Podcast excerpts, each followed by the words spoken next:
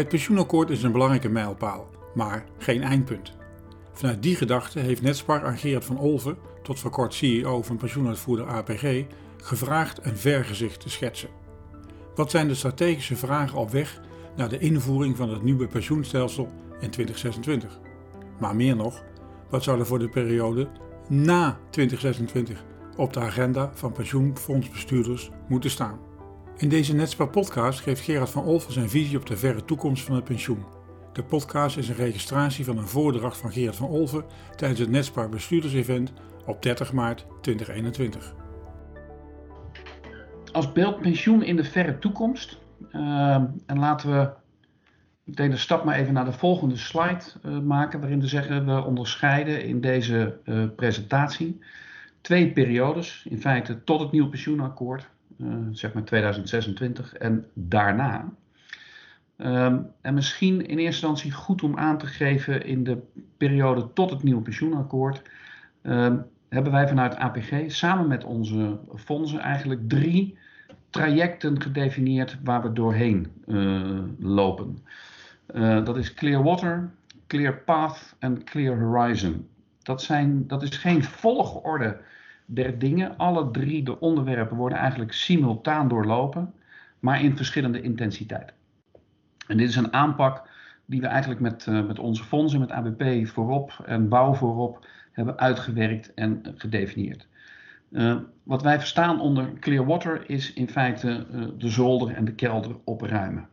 Zowel in de uitvoeringsorganisaties, dus het oplossen van vraagstukken omtrent data, IT, IT legacy en complexiteitsreductie. Maar ook bij de fondsen, complexiteit van regelingen reduceren. Eigenlijk is de doelstelling dat alles wat een soepele transitie naar het nieuwe pensioencontract in de weg staat, om dat zoveel als mogelijk en het liefst volledig op te ruimen. En daartoe ook het gesprek aan te gaan met sociale partners om overgangsregelingen of andere uitzonderingen uit het verleden die destijds goed bedoeld en oprecht zijn uitonderhandeld, maar toch complicerend werken in een transitie, ook die nu ter discussie te stellen. Een tweede traject bij ons is wat wij noemen Clear Path. En dat is eigenlijk het ontwerpen en het inrichten van het nieuw Target Operating Model. Dus de IT-systemen, de wijze van werken, uh, et, et cetera. En de transitie daar naartoe, inclusief het beheerst invaren. En als laatste traject is wat wij noemen Clear Horizon. Wat is de propositie die je aan deelnemers wil gaan bieden? Wat wil je voor deelnemers betekenen? in die nieuwe wereld? Wat voor soort pensioenfonds en wat voor soort uitvoerder daarachter uh, heeft de deelnemer behoefte aan? En vervolgens vanaf het nieuwe pensioencontract, zeg maar na 2026, uh, zal vooral het spel op de wagen zijn, op de inspelen op ingrijpendere marktontwikkelingen. Uh, partijen die zullen gaan samenclusteren of uh, vragen zullen stellen van ja, ik heb die slag van product naar klant georiënteerd niet gemaakt. Dat wil niet zeggen dat wij denken dat er voor die tijd niets zal gebeuren, maar daar komen we straks nog even op terug. Heel kort misschien even terugkijkend op uh, dit moment en dan gaan we daarna wat verder naar de toekomst uh, toe. Als we kijken op slide 3, uh, en we staan nog even stil bij alles wat er de laatste weken in de consultatie is gezien, dan valt natuurlijk op enerzijds de grote eensgezindheid. Het is ook logisch, het is ook allemaal nog redelijk hoog over. We zijn allemaal overtuigd van de noodzaak. Collectiviteit en solidariteit moet behouden blijven. En een grote nadruk op uitlegbaarheid en uitvoerbaarheid. Uh, en heel veel partijen die pleiten voor extra ruimte voor ZZP-experimenten. Dat is ook logisch. We wilden een stelsel wat beter aansluit op de arbeidsmarkt. En als je dan eigenlijk niet veel ruimte, als er dan eigenlijk niet heel veel ruimte is om te experimenteren voor zo'n belangrijk deel van de arbeidsmarkt, dan is dat logischerwijs nog onderwerp van verdere discussies. Wat we ook in de reacties uh, zien, is dat nog heel veel gaat over het vraagstuk, zeg maar even de punt van de schoen. Dus het vraagstuk van morgen en nog niet over het vraagstuk van overmorgen. Dat is ook logisch, want daar moeten nog spelregels voor bediscussieerd worden. maar toch echt een focus op het risico van uh, hoe varen we in? Kunnen we uh, collectief uh, invaren? En hoe doe je dat? Hoe doe je daarbij enerzijds recht aan het belang van een, van een individuele deelnemer, maar anderzijds toch ook aan de noodzaak om dit op een collectieve basis te doen en collectief vorm te geven. Um, wat we natuurlijk zien op slide 4 is dat de verantwoordelijkheid voor pensioen, en dat weten we al heel lang, meer en meer verschuift naar de deelnemer. Of in ieder geval explicieter bij de deelnemer komt te liggen. Het wordt vooral persoonlijk. Ik gebruik zelf altijd liever het woord persoonlijk dan individueel, want het is natuurlijk altijd nog een collectief stelsel met de nodige solidariteit erin, maar daarbinnen wordt het wel persoonlijker, het is onzeker en het risico komt in ieder geval explicieter bij de deelnemer te liggen. En als je dan onderzoek doet bij deelnemers, um, van ja, wat, wat voor vragen, wat voor behoeften komen er bij u boven? En, en als je de onderzoek doet, komen er eigenlijk vier leidende deelnemerbehoeften naar voren toe voor dat nieuwe stelsel. En misschien wel deelnemerbehoeften die vandaag de dag ook al bestaan. De allereerste is rentmeesterschap. De deelnemer verwacht van ons goed rentmeesterschap. Pas goed op mijn geld, maar leg daar ook verantwoording over af. Geef me daar inzicht in en maak dat voor mij toegankelijk. Het is heus niet zo dat alle deelnemers beleggers zullen willen worden of in spreadsheets hun beleggingen zullen willen volgen. Maar men, men wil wel snappen wat er met hun geld gebeurt, hoe daarmee omgegaan wordt en dat daar verantwoording over afgelegd wordt. Meer en veel meer dan vandaag de dag gewoon is. Men vraagt inzicht in netto inkomsten. En misschien nog wel meer in koopkracht, in financiële fitheid. Tegen een deelnemer zeggen: u ontvangt over 25 jaar of over 10 jaar 300 euro of 500 euro of 800 euro netto. Ja, dat zegt deelnemers wel iets, maar nog niet heel veel. Deelnemers willen weten, kan ik blijven wonen waar ik woon en kan ik een beetje het leven blijven voeren wat ik gewoon ben te voeren? Kan ik nog een beetje met mijn broer en zus op vakantie zoals ik nu gewoon ben te doen? Of gaat dat niet meer? Um, en dat vraagt om een soort begeleiding en inzicht op het terrein van financiële fitheid.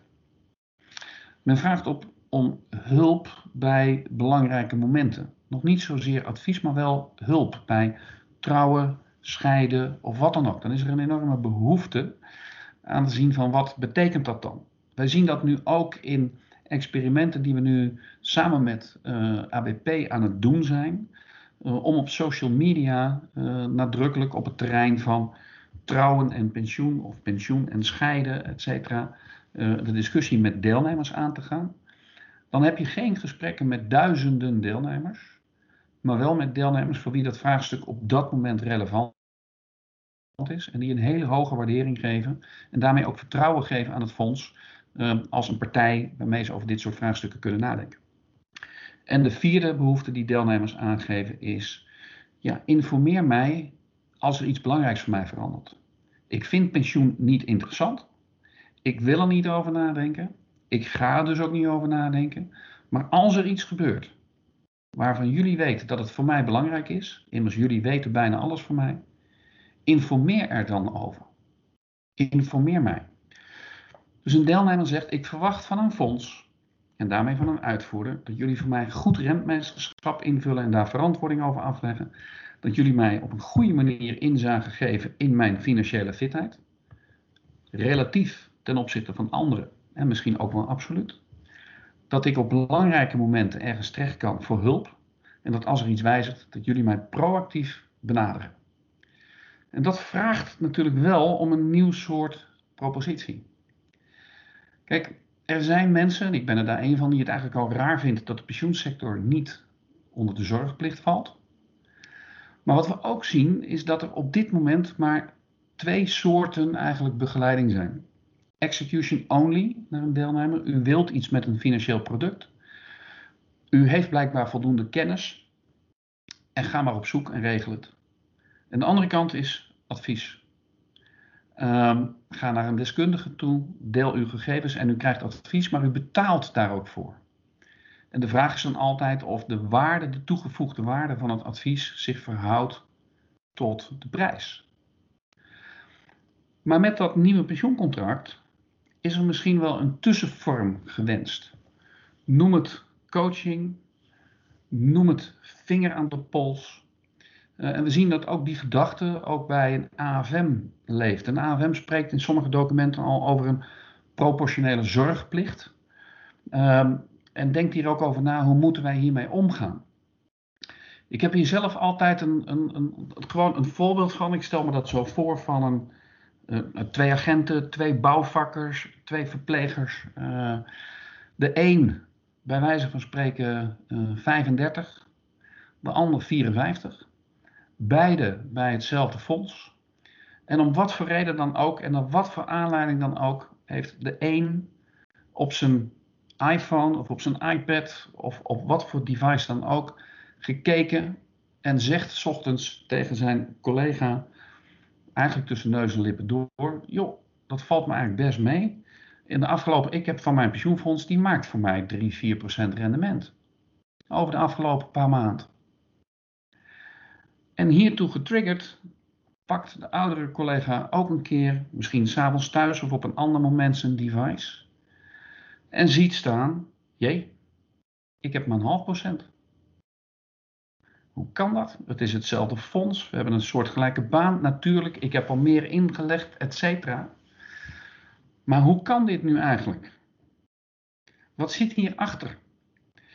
En dan is de vraag, en dit is een hele basale onzekerheid. Dit is helemaal niet iets, een ingewikkeld, ingrijpend iets dat de, de man of vrouw in zijn of haar persoonlijk leven overkomt. Maar dit is gewoon, hé, hey, ik heb een collega en wij worden op een andere manier hiermee geconfronteerd. Ja, en waar gaan dan die mensen naartoe met die onzekerheid? Waar stellen ze die vraag aan? Of zullen ze hem niet stellen? Maar als ze die vraag niet stellen en ze kunnen dit soort vragen niet kwijt, dan blijft die onzekerheid en dat ondergraaft op enig moment een stelsel. Dus waar gaan ze naartoe? Misschien wel naar een werkgever. Uh, waarvan ze zeggen van joh, hoe zit dat nou precies? Leg het eens uit. En dat is voor grote werkgevers weer anders dan voor kleine.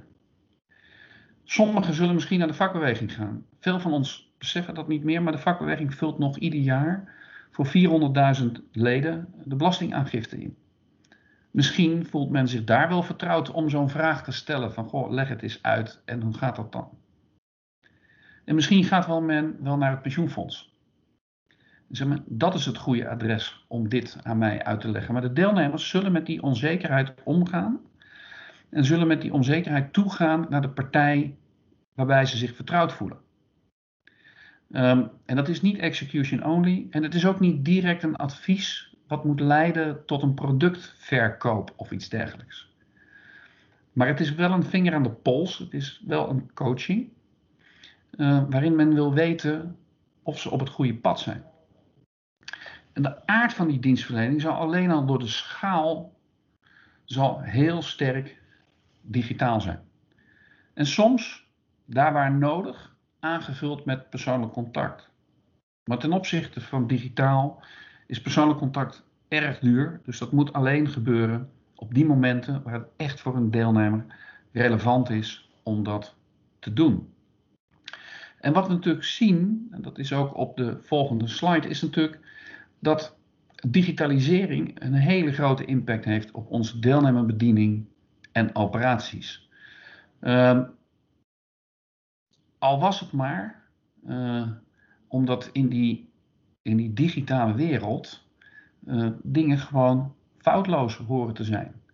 Terugwerkende krachtmutaties van, uh, we hebben bijvoorbeeld vorig jaar of twee jaar geleden heeft ABP in overleg met sociale partners de defensieregeling uh, vereenvoudigd. Erg goed voor de deelnemers, maar onderdelen daarvan hebben ze gezegd, daar zijn we nu nog niet uit, dat doen we een jaar later.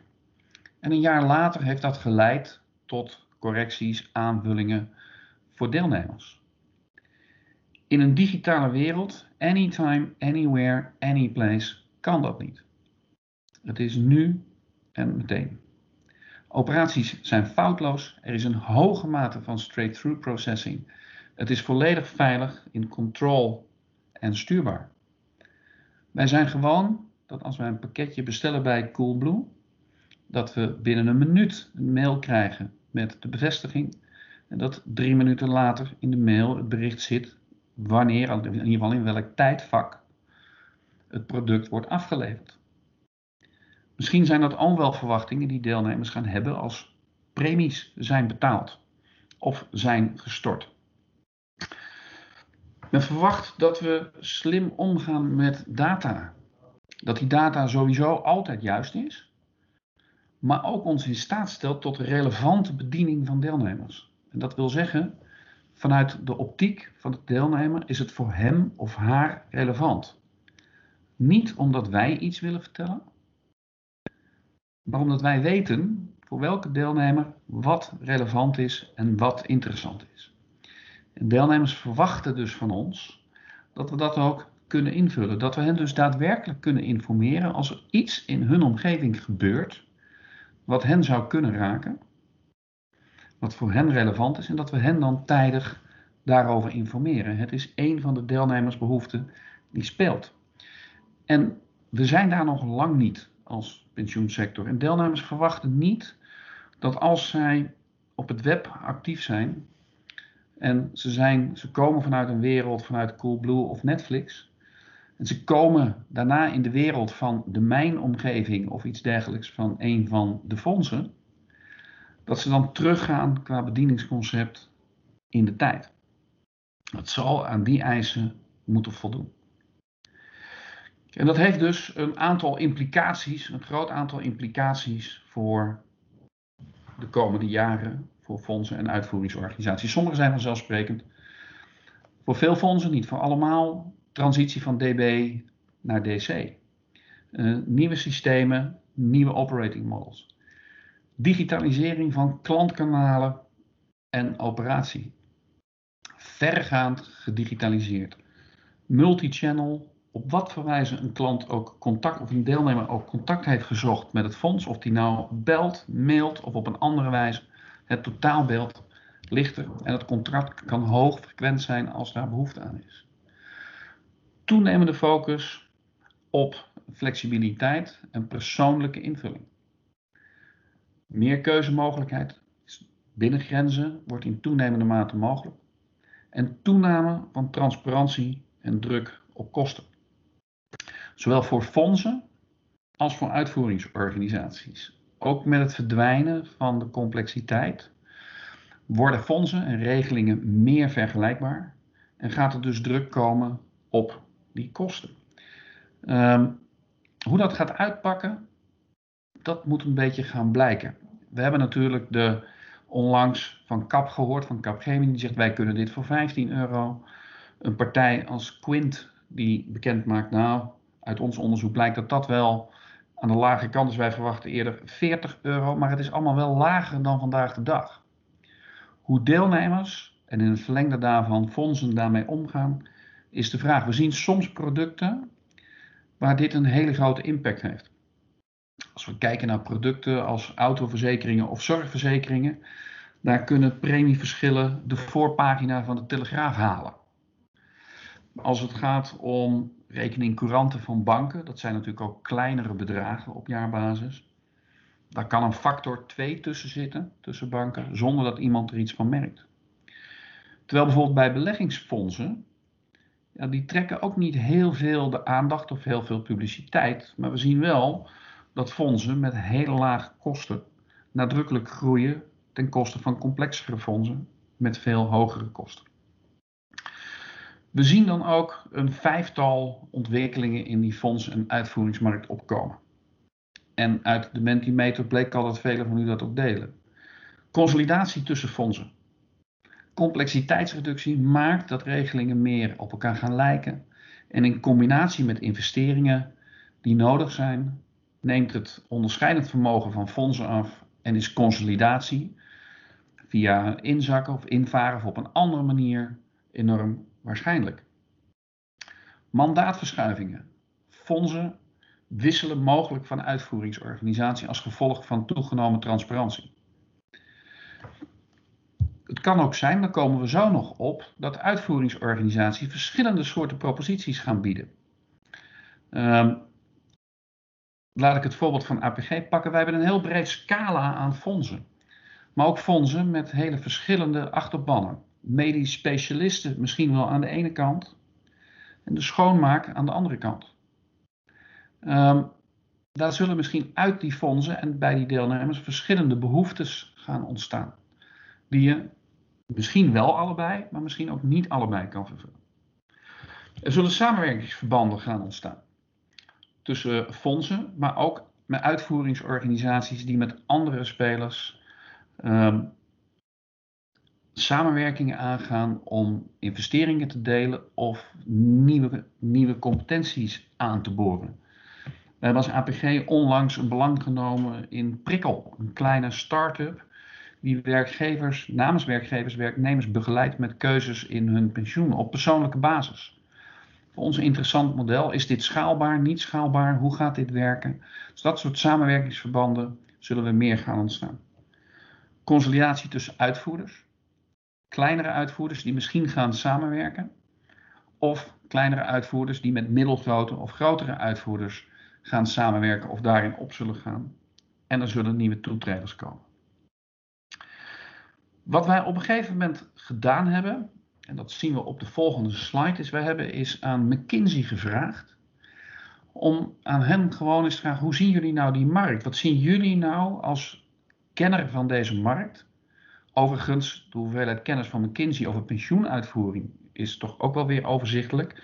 Maar toch, hoe kijken jullie nu als strategisch uh, consultants aan tegen die markt en de komst van het nieuwe pensioencontract? En nogmaals, dit is een studie van McKinsey. Dit is geen strategie van APG.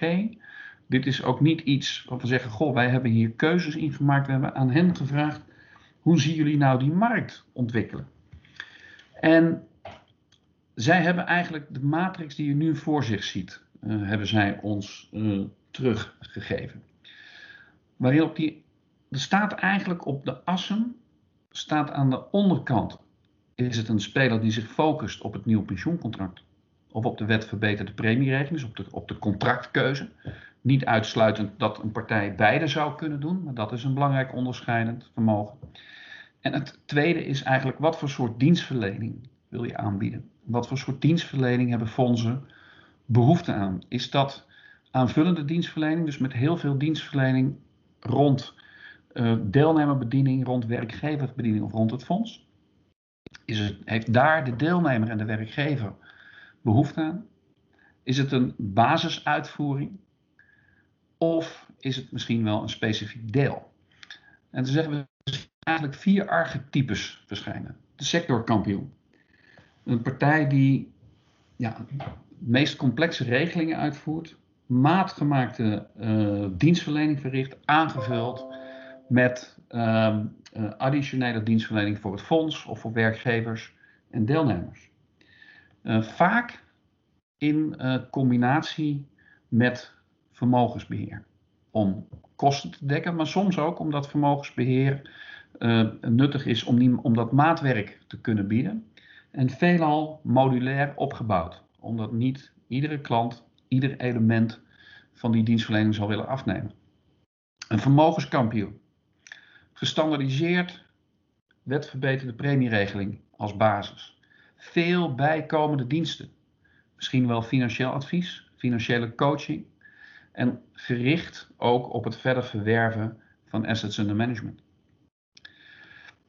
Een no thrills, no thrills players. Dus eigenlijk aan mijn lijf geen Polonaise. Heel eenvoudig, heel overzichtelijk, zeer lage kosten, weinig of geen additionele dienstverlening. Misschien wel fondsen met deelnemers waarvoor het aanvullend pensioen ten opzichte van de AOW heel beperkt is. En tech utility players. Dus eigenlijk spelers die maar een beperkt deel van de uitvoering of dienstverlening voor hun rekening nemen, maar daar wel heel erg goed in zijn. Dat ook op hele grote schaal kunnen doen. En dat eigenlijk achter verzekeraars, achter uitvoerders, delen van de dienstverlening kunnen, gaan, kunnen gaan aanbieden. Um, McKinsey schetst daarbij een aantal niet uitputtende marktscenario's.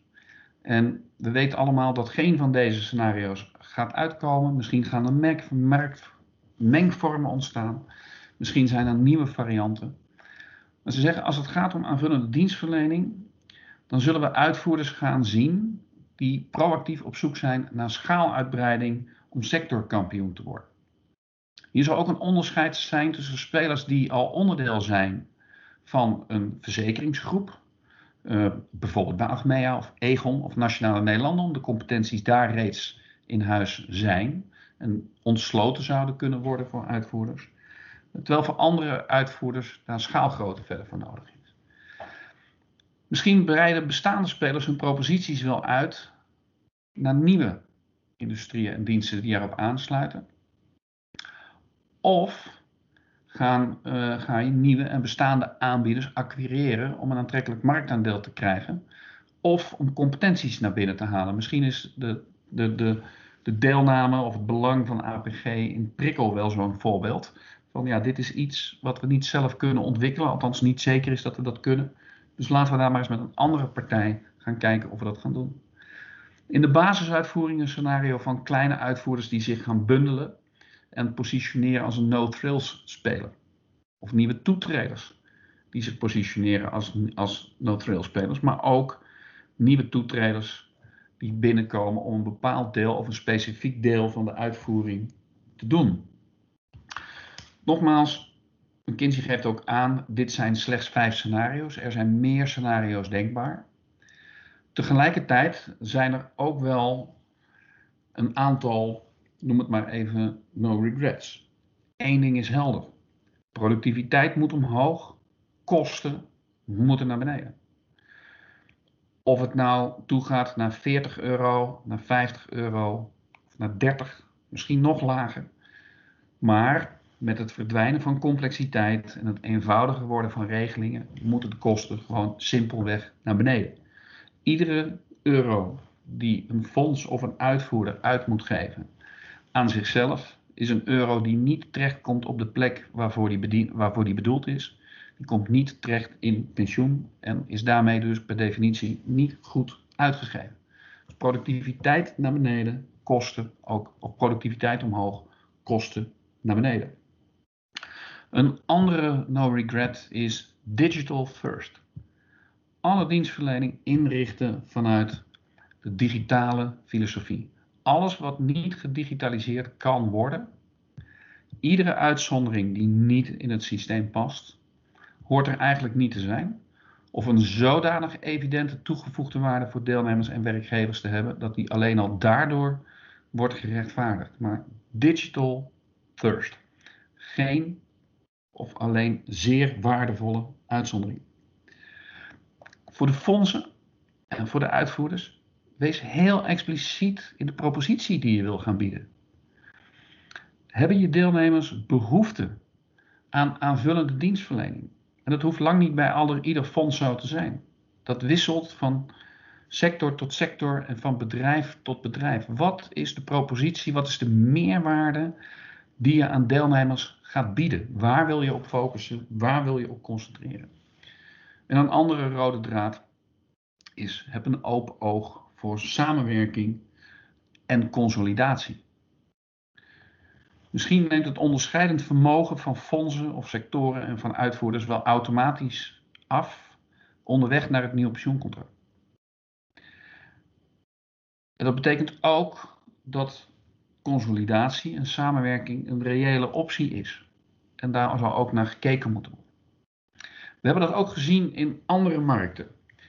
Um, en dan kijk ik even op de volgende slide, trek ik de parallel naar een aantal markten. We zien ook dat het in iedere markt anders uitpakt. We hebben natuurlijk wel meer markten gezien die fundamenteel veranderd zijn. Uh, het spoor werd geprivatiseerd, de energiemarkt, telecom en de zorg. En toch is dat in iedere markt heel anders uitgepakt. De dynamiek van iedere markt is anders geworden. Laat ik er één uitlichten, uh, die ik zelf uh, van nabij heb meegemaakt. En dan neem ik u mee terug naar uh, 1 januari 2006. En dan zie ik sommige mensen denken 2006, 2006, internetbubbel, oorlog ergens, crisis. Nee, dat was de datum dat Nederland omging van het zorgstelsel van ziekenfonds en verzekeringen naar de basisverzekering. De datum dat heel Nederland moest kiezen voor een zorgverzekeraar. En als we dan kijken, dan kijk ik even naar de wereld voor die tijd. En nogmaals, het zijn hele andere producten, het zijn andere markten. Een zorgstelsel is een short-tail product. Een pensioen is een long-tail product. En daarmee is in ieder geval qua product zorg vele malen eenvoudiger dan pensioen. Maar toch, tot die datum waren veel Nederlanders verplicht verzekerd bij een ziekenfonds op basis van postcode en inkomen. In onze sector zijn ze verplicht bij ons aangesloten op basis van werkgever of sector. Productontwikkeling in de zorg vond plaats in Den Haag. Velen van ons herinneren zich nog wel de discussie over um, het kunstgebied in het pakket of uit het pakket, of de pil in het pakket of uit het pakket. In onze wereld vindt productontwikkeling vooral plaats bij sociale partners. Ziekenfondsen wisten alles van de zorg, waren letterlijk en figuurlijk uh, dichtbij en ook relatief goedkoop. Pensioenfondsen en pensioenuitvoerders weten alles van pensioen, zijn figuurlijk dichtbij. Maar toch ook de vraag, anno 2021, wie herinnert er zich nog een ziekenfonds? De realiteit was dat in de jaren daarna bijna alle ziekenfondsen als zodanig zijn verdwenen. De kennis die daar zat, is opgegaan in de zorginkoopafdelingen van hele grote spelers. Er waren spelers die bewust afscheid namen, commerciële spelers die bewust afscheid namen van de zorg. Er waren spelers die zich bewust wilden vergroten. Um, en dat gebeurde veelal na 2006. Wat we zagen is dat partijen fuseerden, samen gingen werken, veelal in formele juridische zin na 2006. Maar de basis werd in 2004 en 2005 gelegd, voor de transitie. Middelgrote partijen die samen zorg gingen inkopen. Of middelgrote partijen en grotere partijen die in de gaten kregen dat ze na de verandering van zorgstelsel vergelijkbare proposities gingen aanbieden en elkaar gingen opzoeken in schaalgrootte. Dus in 2007, 2008 gingen relatief grote spelers als Agis, Friesland Zorg of andere zorgverzekeraars op in spelers als Achmea, VGZ, Mensis en Uvit. Um, en ook dat soort wijzigingen, nogmaals, dat is van markt tot markt verschillend, maar zal dus ook de pensioensector gaan raken. Um, en vanaf het pensioenakkoord, en dat zien we op de volgende slide, en ik was daarmee ook heel aan de ene kant wel verrast, maar ook blij met het antwoord wat u allemaal gaf in de Mentimeter. We gaan dus vooral bewegen ook van een productgeoriënteerde sector naar een klant- of een deelnemergeoriënteerde sector. Wij zijn een relatief traditionele sector. De grote verplichtstelling heeft enorme maatschappelijke waarde. Het zorgt voor een, een, relatief lage armoede onder ouderen. Het zorgt voor een faire inkomensverdeling over generaties heen. Maar het leidt ook tot heel weinig prikkels voor innovatie en vernieuwing. De sector kent niet dat je door innovatie deelnemers wint, of als je het niet goed doet, deelnemers verliest. Um, er zijn hele andere factoren die groei of krimp of succes van een uitvoerder bepalen. Die prikkels kent de pensioenmarkt niet en ook bij het nieuwe pensioencontract kennen wij die prikkels niet.